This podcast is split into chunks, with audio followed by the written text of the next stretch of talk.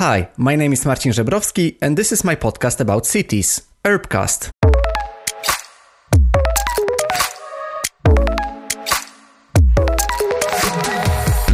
Hi, and welcome to the new episode of Urbcast, a podcast about cities.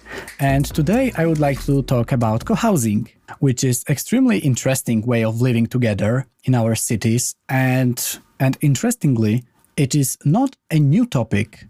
We've been living in co-housing since 60s or 70s, uh, especially in Denmark, where it all started.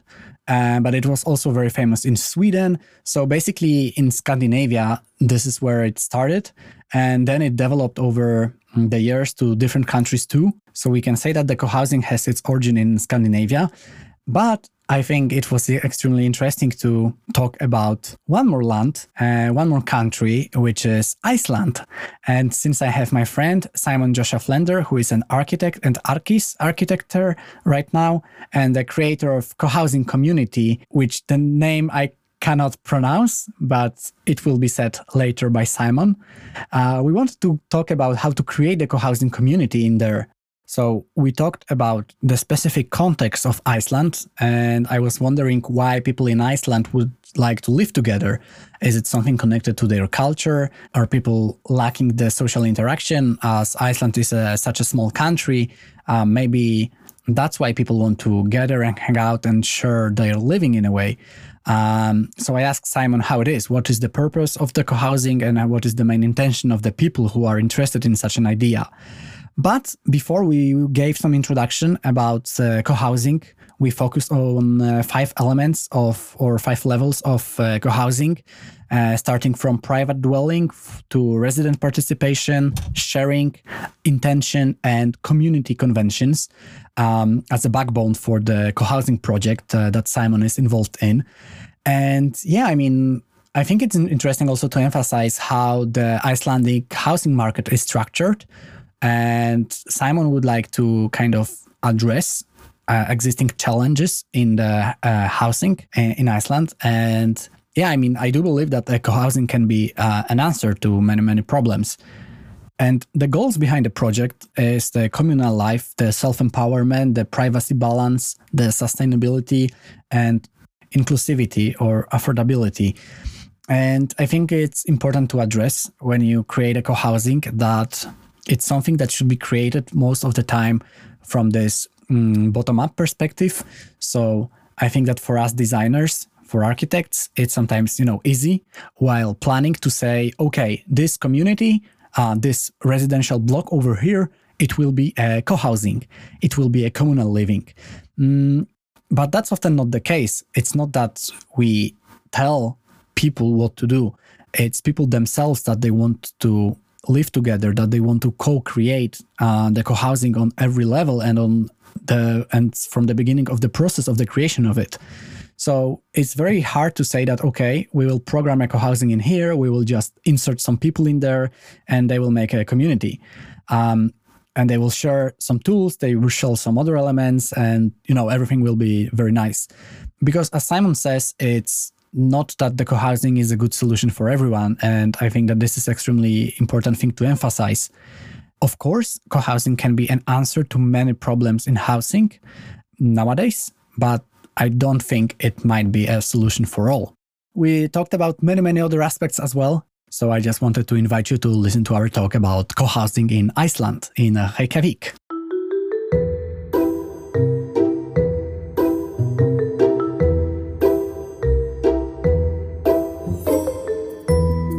Hi, Simon. Thank you for uh, coming to my podcast. Hi, Marcin. Nice to talk to you again. We started talking about this idea of having a podcast talk about co housing some time ago, and I'm uh, really happy that we managed to meet.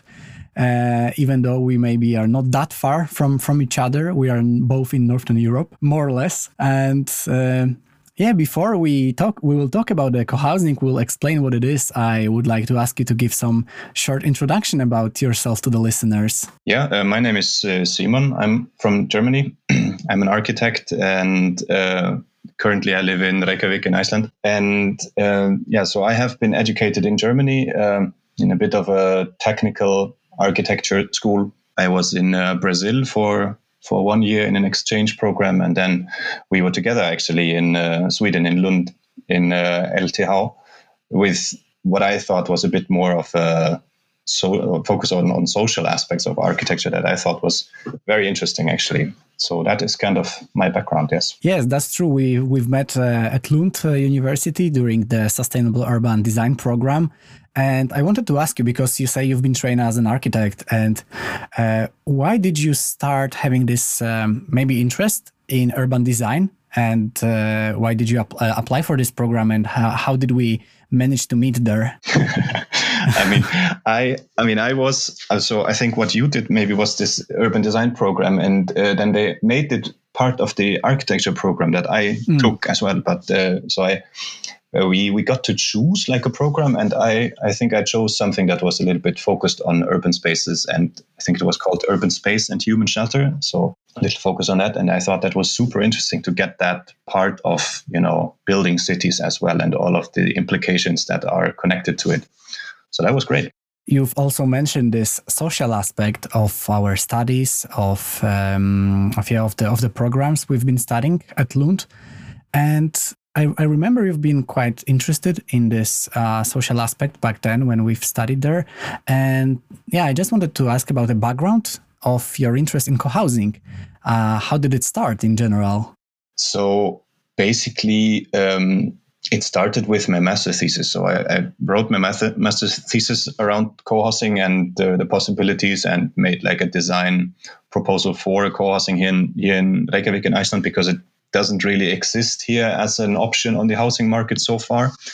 And how it started, I don't exactly remember, but I thought a little bit about it yesterday, and I feel like it is really connected to to this, you know, uh, do-it-yourself culture. Or, I mean, I actually ended up calling the thesis "Do It Together" because it's kind of a group thing. But I I remember that when I used to live in Germany, um, me and my friends we always organized uh, concerts. So we we felt that there should be concerts in our city, and there weren't a lot. So we just you know went and made it happen and maybe it's something similar with co-housing you know it was evident that, that there wasn't co-housing in iceland so um, we're just going ahead and making something happen.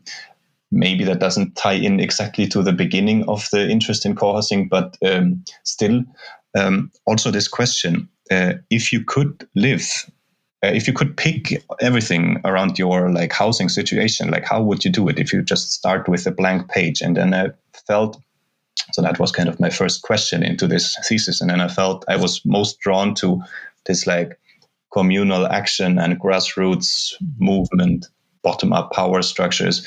That kind of sparked my interest in in co-housing. I also wanted to talk about this Icelandic context because you are creating this uh, co-housing project in Iceland in Reykjavik. Where are you based now? And yeah, I mean, how did it start with this interest in Iceland? How did you end up there? And how do you kind of find yourself in the Icelandic culture? That's a very interesting question. uh, I think I have to start at the beginning. So, so I mean, I actually when I was writing my my bachelor thesis, I was still living in Germany in 2015, and uh, we, me and a friend, we were planning a trip to Iceland, which eventually had to be cancelled because I was. I was just so bad at handing in my, my bachelor thesis on time that we had to postpone and eventually cancel our trip. Um, so that was that. And afterwards, I was um, I was out of a job I was wondering where I should go next. Maybe you know finding some internship in Germany somewhere, or and I thought, hey, why not just move to Iceland? So I ended up just finding a job here rather quick and moved here a month later. And then not so much time passed, and uh, it. I mean, it's just the, the, the general story that seems to happen to all foreign men that come to Iceland. You know, just meet the woman, and then suddenly there's babies. So and you get stuck. so, so that's that's how I ended up in Iceland. But uh, I mean, this why this co-housing is happening here now, or why we are trying to do that, is that um, through my partner we know a group of Icelanders that used to live in um, in Copenhagen. They all moved there for studies. It's kind of the the general thing to do for for like young Icelanders or students. Then move to Copenhagen sometime in their life to study there or live there And um, so a bunch of these people were going to move back all sort of at the same time. So we're talking maybe like four or five families, everyone with small kids. And then a few of them had this idea of um, actually making a co-housing happen in Iceland, or they had been at least looking into co-housing and eco villages as an housing option back in Denmark, and they were really excited about this. But they pretty soon found out that this didn't exist in Iceland. And then me being part of that group and having just written that, you know, particular master thesis around it, and maybe that even influenced each other. Maybe we had been talking about this even almost before I started my master thesis. So um, eventually it was evident that we should just join forces and try to make this thing happen together. So so from 2019, we've been a group of maybe three or four friends that have kind of been loosely trying to introduce the concept here.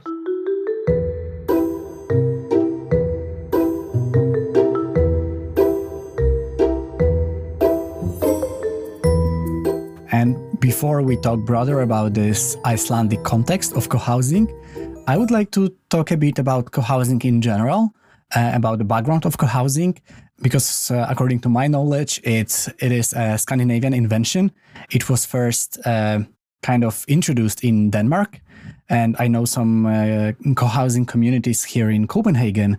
But can you tell us more about it? So, what is the co-housing about? Why is it so tempting to some people and how did you perceive it and how did you how did you see it when you started you know reading about the co-housing and getting your interest into co-housing so i mean when when I wrote the thesis, I did a bit of a historical research about communal living and shared living, and it turns out that you know living and acting in community uh, in communal communal like forms and structures hasn't been so foreign to to you know humanity as a whole. Like we've been uh, acting in collectivities in cities and you know in trade and there, there have been examples of uh, in history where people have actually lived together kind of intentionally when you, you could also see it in the in the uh, architectural aspects of the building. It was very evident that this was this was a building where people got together uh, with the idea to live there together for different reasons. I mean it could be for example to have better defense or to share some certain uh, spaces and and functionalities that you wouldn't uh, have to have with each household. But um, when I've, I mean, you are right. Of course, um, co-housing started out in as as in the current form in in Scandinavia in Denmark in 1970s, kind of after this, you know, 60s uh, student revolutions with you know where a lot of uh, societies societal conventions were certainly put into question. But yeah, um, I have made this this brochure that I sent you also. So um, we have what we are talking about now is like kind of five five central aspects to co-housing, and we try to explain it through those five aspects. So I just go over those quickly. So we have, and we will add the link to this uh, brochure uh, to the episode description, so you can also have a look on it. Okay, great.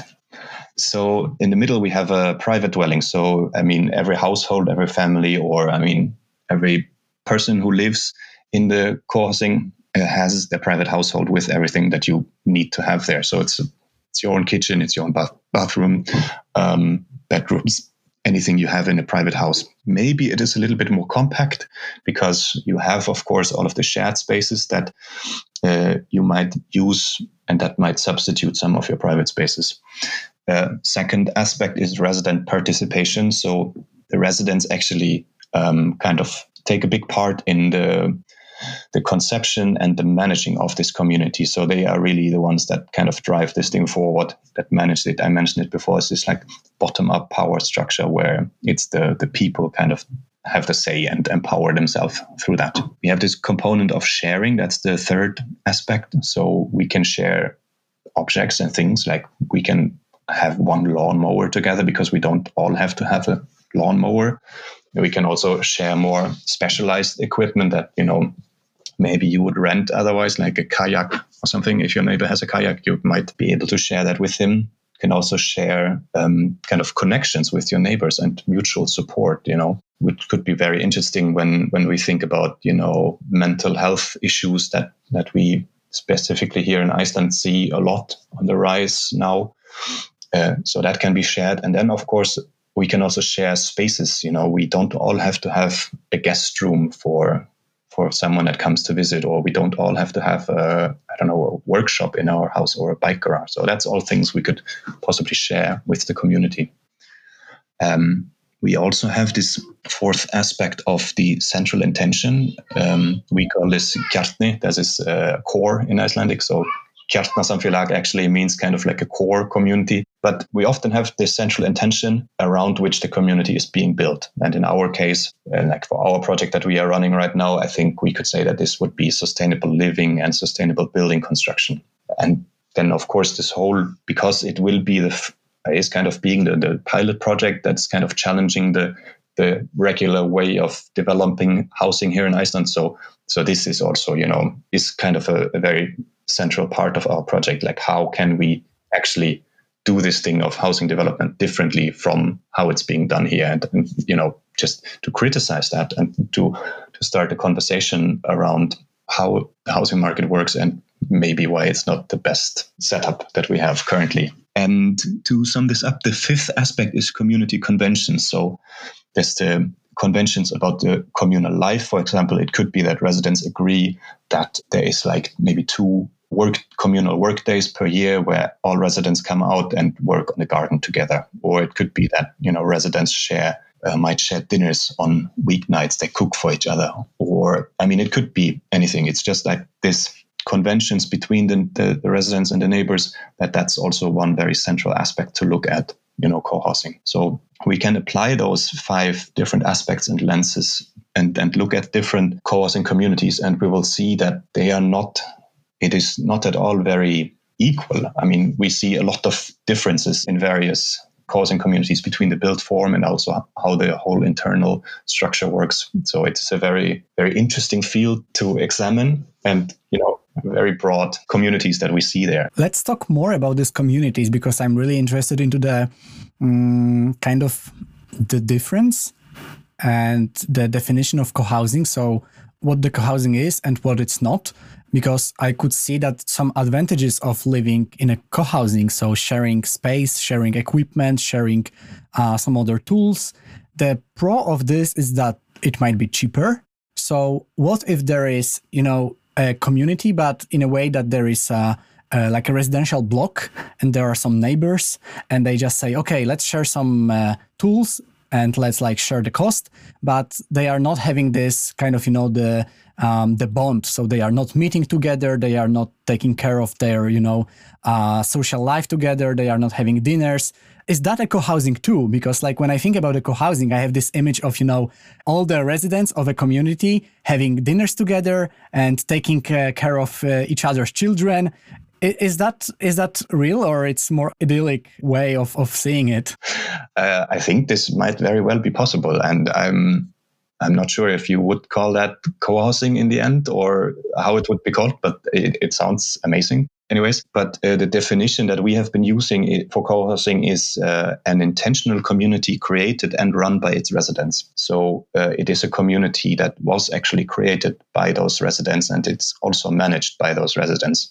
But it's also interesting to note that the definition doesn't really say anything about sharing. You know, it doesn't say which spaces are shared, or you know, it doesn't say anything about the the uh, conventions between the residents that we talked about before. So it is a very open definition. So, I mean, if you want to say that per, by like sharing, I don't know, responsibilities, watching over children, maybe um, going shopping together, and maybe sharing dinners, if you want to say that that is a community that was created by those residents that, you know, that create this and run it, then that might very well be co-housing.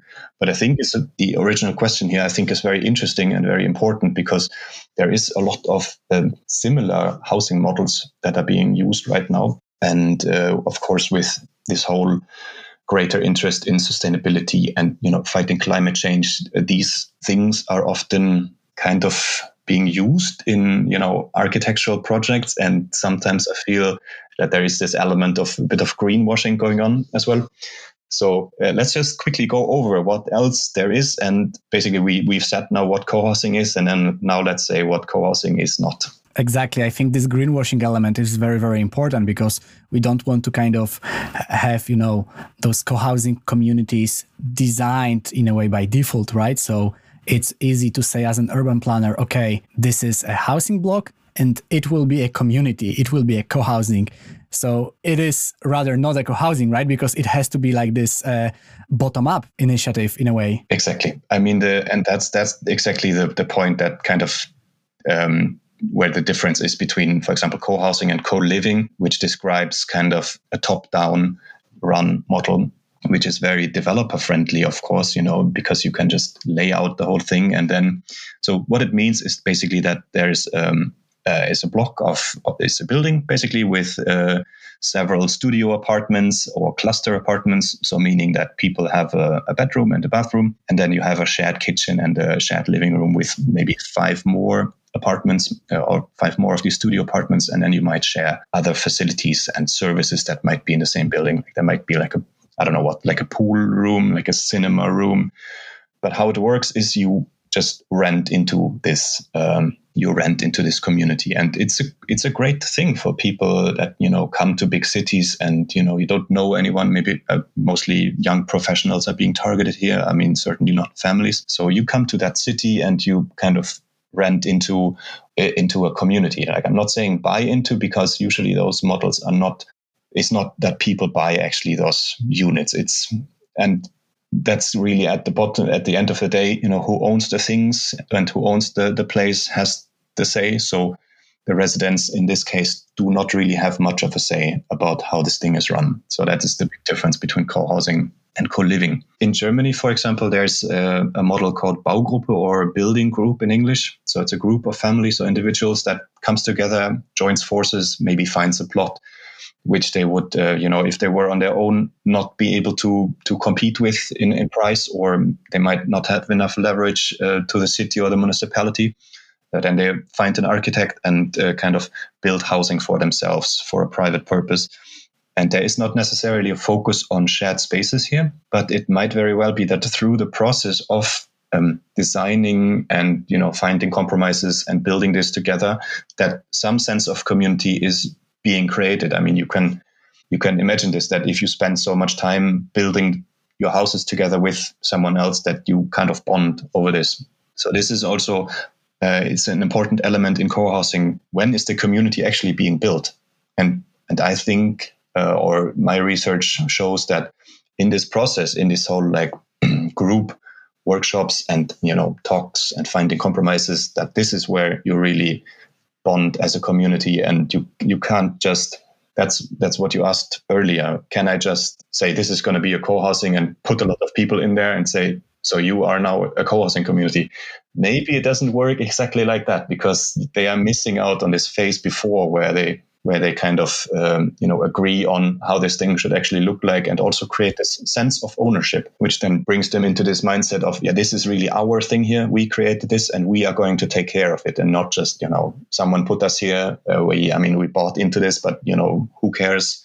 And they don't feel like they should be taking care of this very well another model that is also um, being used is a cooperative or a housing cooperative it uh, could be a corporation or an association, a housing association that would then own buildings or build a housing actually to rent it out to their members, to their kind of association members, or it could also be that the uh, association has shareholders. And by holding a share, you would then receive the right to occupy one of those dwelling units. But um, what we can say also is that those those things we have mentioned and the the different models we have talked about, they are not I mean, they might be overlapping. It could, for example, they could be intersectional. It could, for example, very well be that a co-housing is uh, established throughout a housing association where residents are shareholders of that association and gain the right to to occupy one unit, and it would give all of the members of the community much more control over who moves into into a unit in in um, in case someone would move out. Like it would probably be very hard for uh, the people that move out to not sell it just to the highest bidder and rather to the person that fits best into the community. So there are a lot of questions that are kind of connected to the legal form which you pick for your community that are being connected to to this whole thing.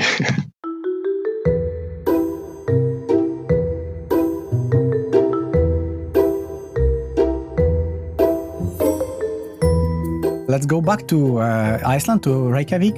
And could you actually help me pronouncing the name of the project because we haven't mentioned it in our talk yet? Absolutely. It's called Kjarnasamfélag Reykjavíkur. So it means a core community of Reykjavik. Okay, okay. That's good. And uh, while being here back in uh, uh Reykjavik, let's uh, talk about in general the the local housing market structure and how co-housing uh, and how housing is developed because I'm just wondering where is the need of living together coming from in Iceland? That's a very good question. I mean, the general community culture that we see here is that, I mean, Icelanders or the Icelandic society is very individualistic and very, I mean, yeah, you could say that it's like Swedish people.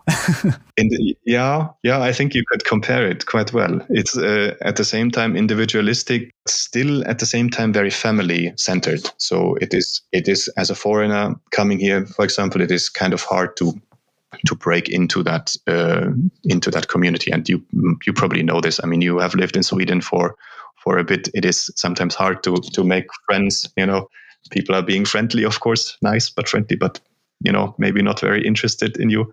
So that is possibly also a thing here.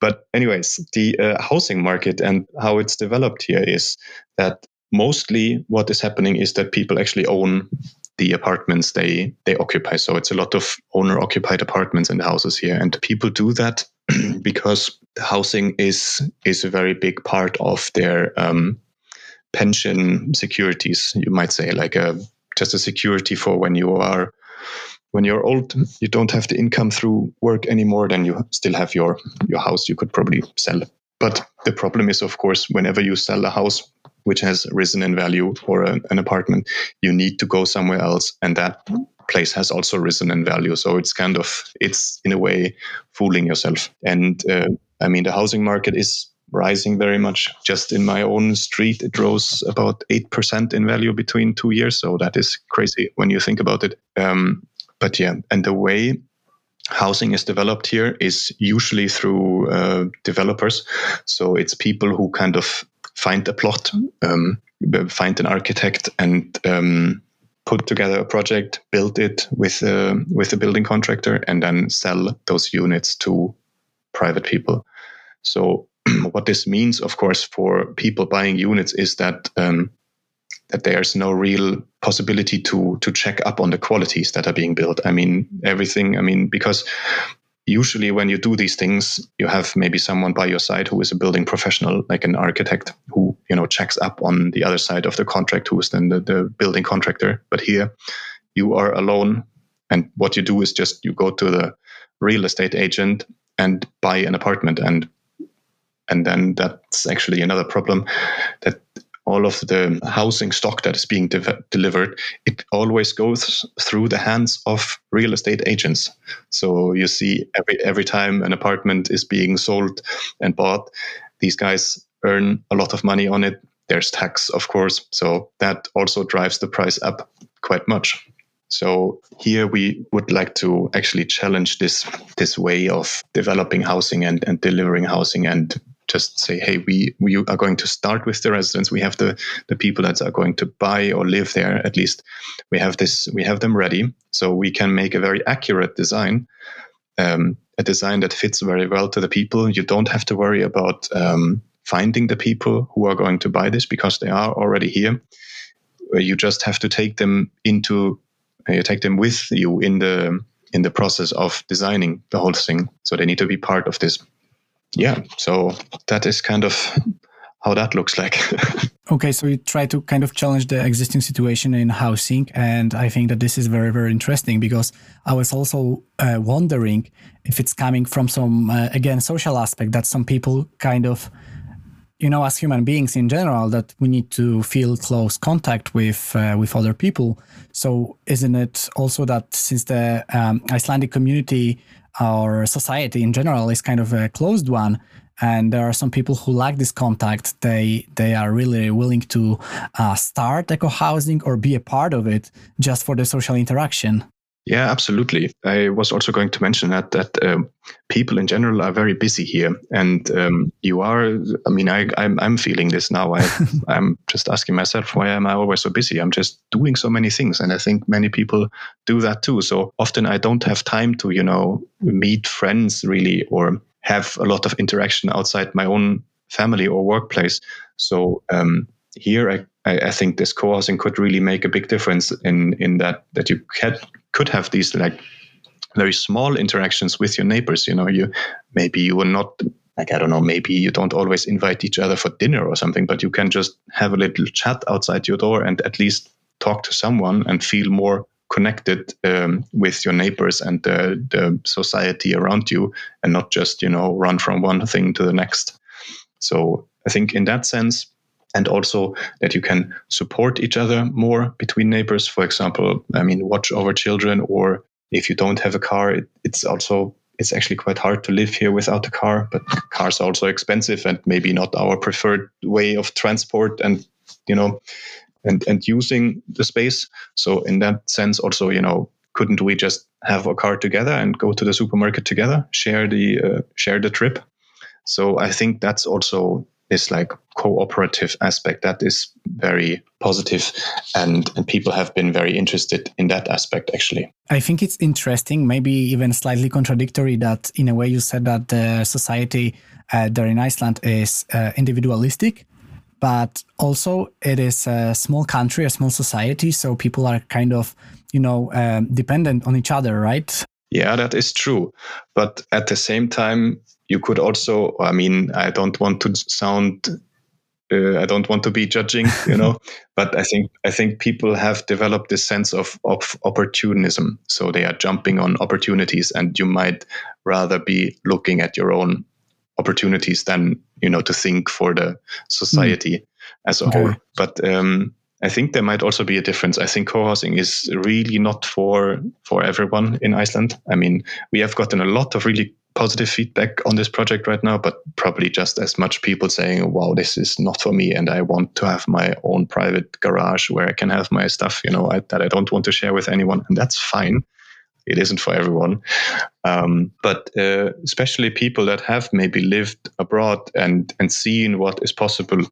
And maybe they, have, they don't have so much um, like they could maybe see themselves and try it out and just you know research and look into it a little bit more. Uh, they don't have this like fear of of like just this thought experiment. So those people they might be who we are who we are looking at. Mm-hmm. And what is the current stage of your project? Can you help me with the name one one more time here? yeah, Reykjavíkur. Exactly. What is the current stage of the project? You you still uh, you haven't built the physical uh, housing, so to say, if I'm correct. But what is the stage right now? Yeah. So no, you're absolutely right. We haven't built anything yet, and we are not sure how long of a way that will be until we get to do that. But um, I mean, due to COVID, we couldn't really go out and meet the people that we need to meet. Um, so what we have done so far in the past year is to um, just try to introduce the concept via like social media and going on the radio, being in newspapers, making some stream events where we try to talk to people, which has been sort of success- successful, but I mean, not a lot of people came out to that. But um, uh, recently, just recently, we could hold hold the first um, kind of public meeting, like a real live meeting, where people came out and could ask us questions, and we could, you know, get to know the people a little bit, and that was great we had about 30 people that came out there and and listened to our introduction and then we had a little discussion round so that was amazing. So we are going to yeah continue working with those people but um, parallel to this whole kind of uh, public introduction of co-housing and the concept, we have been trying to to talk with municipalities, probably talk about possibilities of getting plots. Um, have been talking with like the with the uh, housing institution here and we have really gotten a lot of positive feedback uh, for this. So people people seem to think that this is really, or this would be really a good addition to the Icelandic housing market. Uh, we have also gotten, for example, three grants to to support the work in this. So um, I think the the the public is maybe the public is maybe and the municipalities are maybe rather uh, positive around this. So now what we need to do is to find find the way on how we can actually make it happen and find the people that would like to live in there.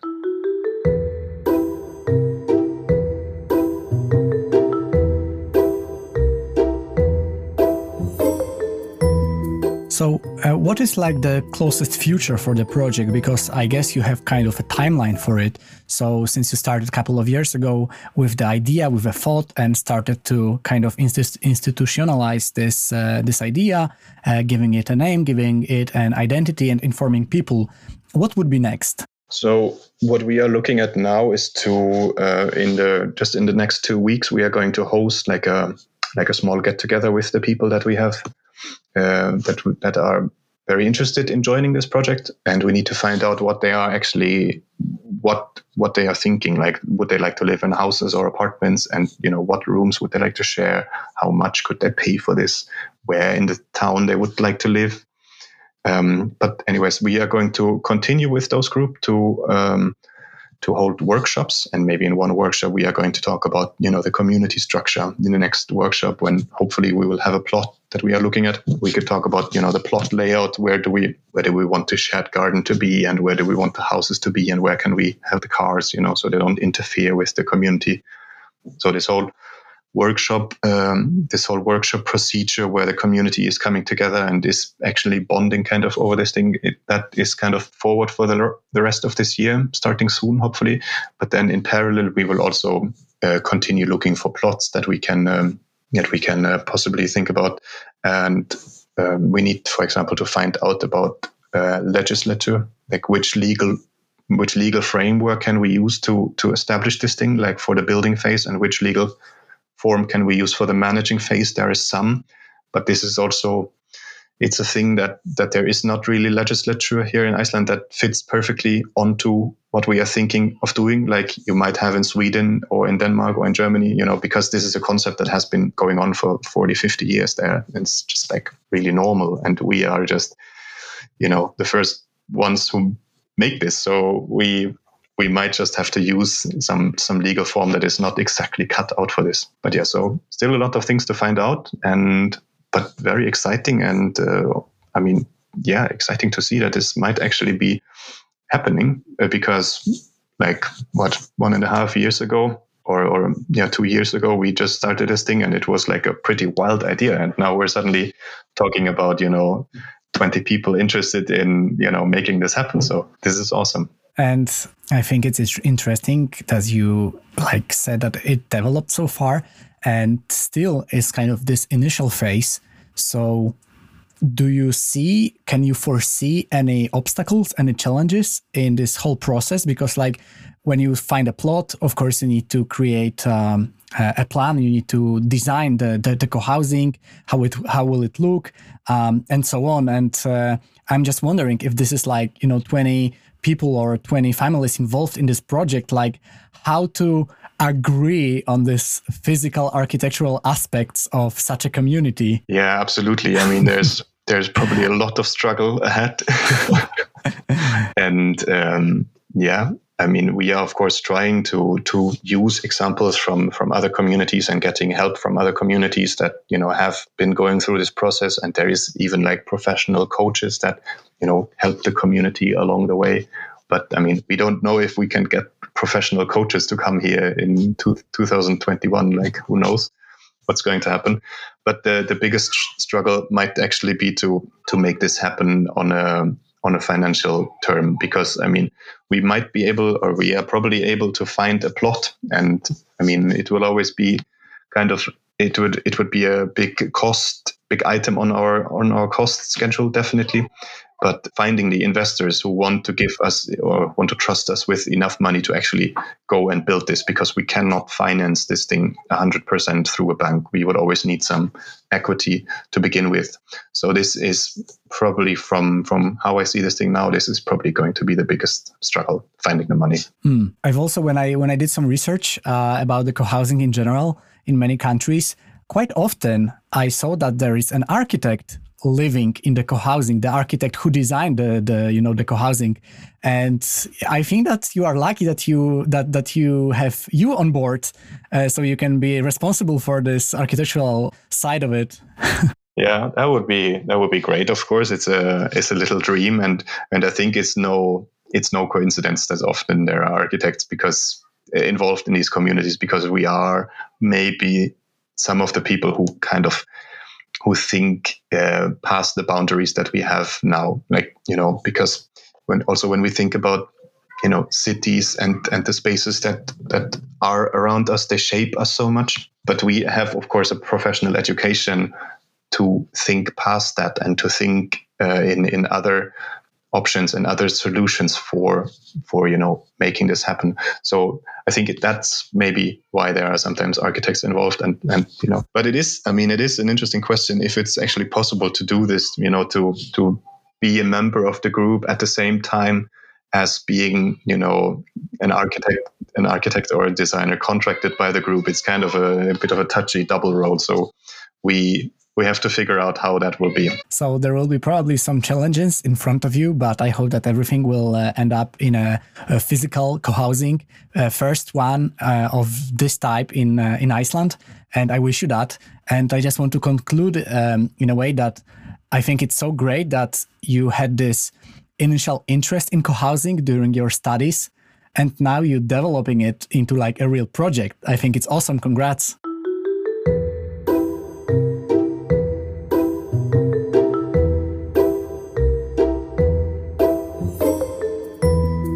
And there's one more thing I wanted to ask you about. Uh, do you have maybe any book recommendation? It can be about co-housing, maybe.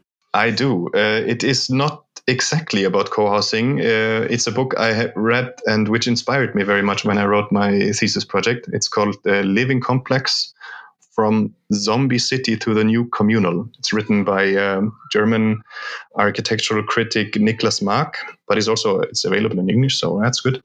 And it's just um, it's a really good uh, book that just goes over how housing is being developed and produced and uh, you know what role architects play in this. And also actually ties in really well with the topic of your podcast which is um, you know cities of course because this this book talks uh, talks very much about you know the role of that, that cities play. And um, you know, it, it talks about many things, and it's uh, actually you know, not written in a very scientific way, so it's rather light and and funny to read. So I really recommend this. Thank you. And if the listeners would like to get to know more information about your project, about your work, where can they find you? I mean, I am on this LinkedIn. LinkedIn. Yeah, oh, sorry, I'm really not using that very much, but I am there, so you can find me there. But um, maybe you're actually more interested in our, you know, co-housing project that we are making here in in Iceland, and you would find us on uh, just on Facebook on Kjarnasamfélag Reykjavik. And uh, don't worry, I will add the, add the link in the description. yes, it will be quite impossible. I'm sorry. So you don't have to type it out exactly. But Simon, thank you very much for our talk. I mean, I'm I'm really really interested in your project, and I wish you all the best in de developing it further. I think it's extremely interesting that you will build this first co-housing like this in Iceland. So I wish you a lot of luck and determination and energy. yeah, we need all of it. Thank you very much, and uh, thanks for inviting me here to your great podcast. I think uh, we should all be following that more. I think so too. Thank you very much.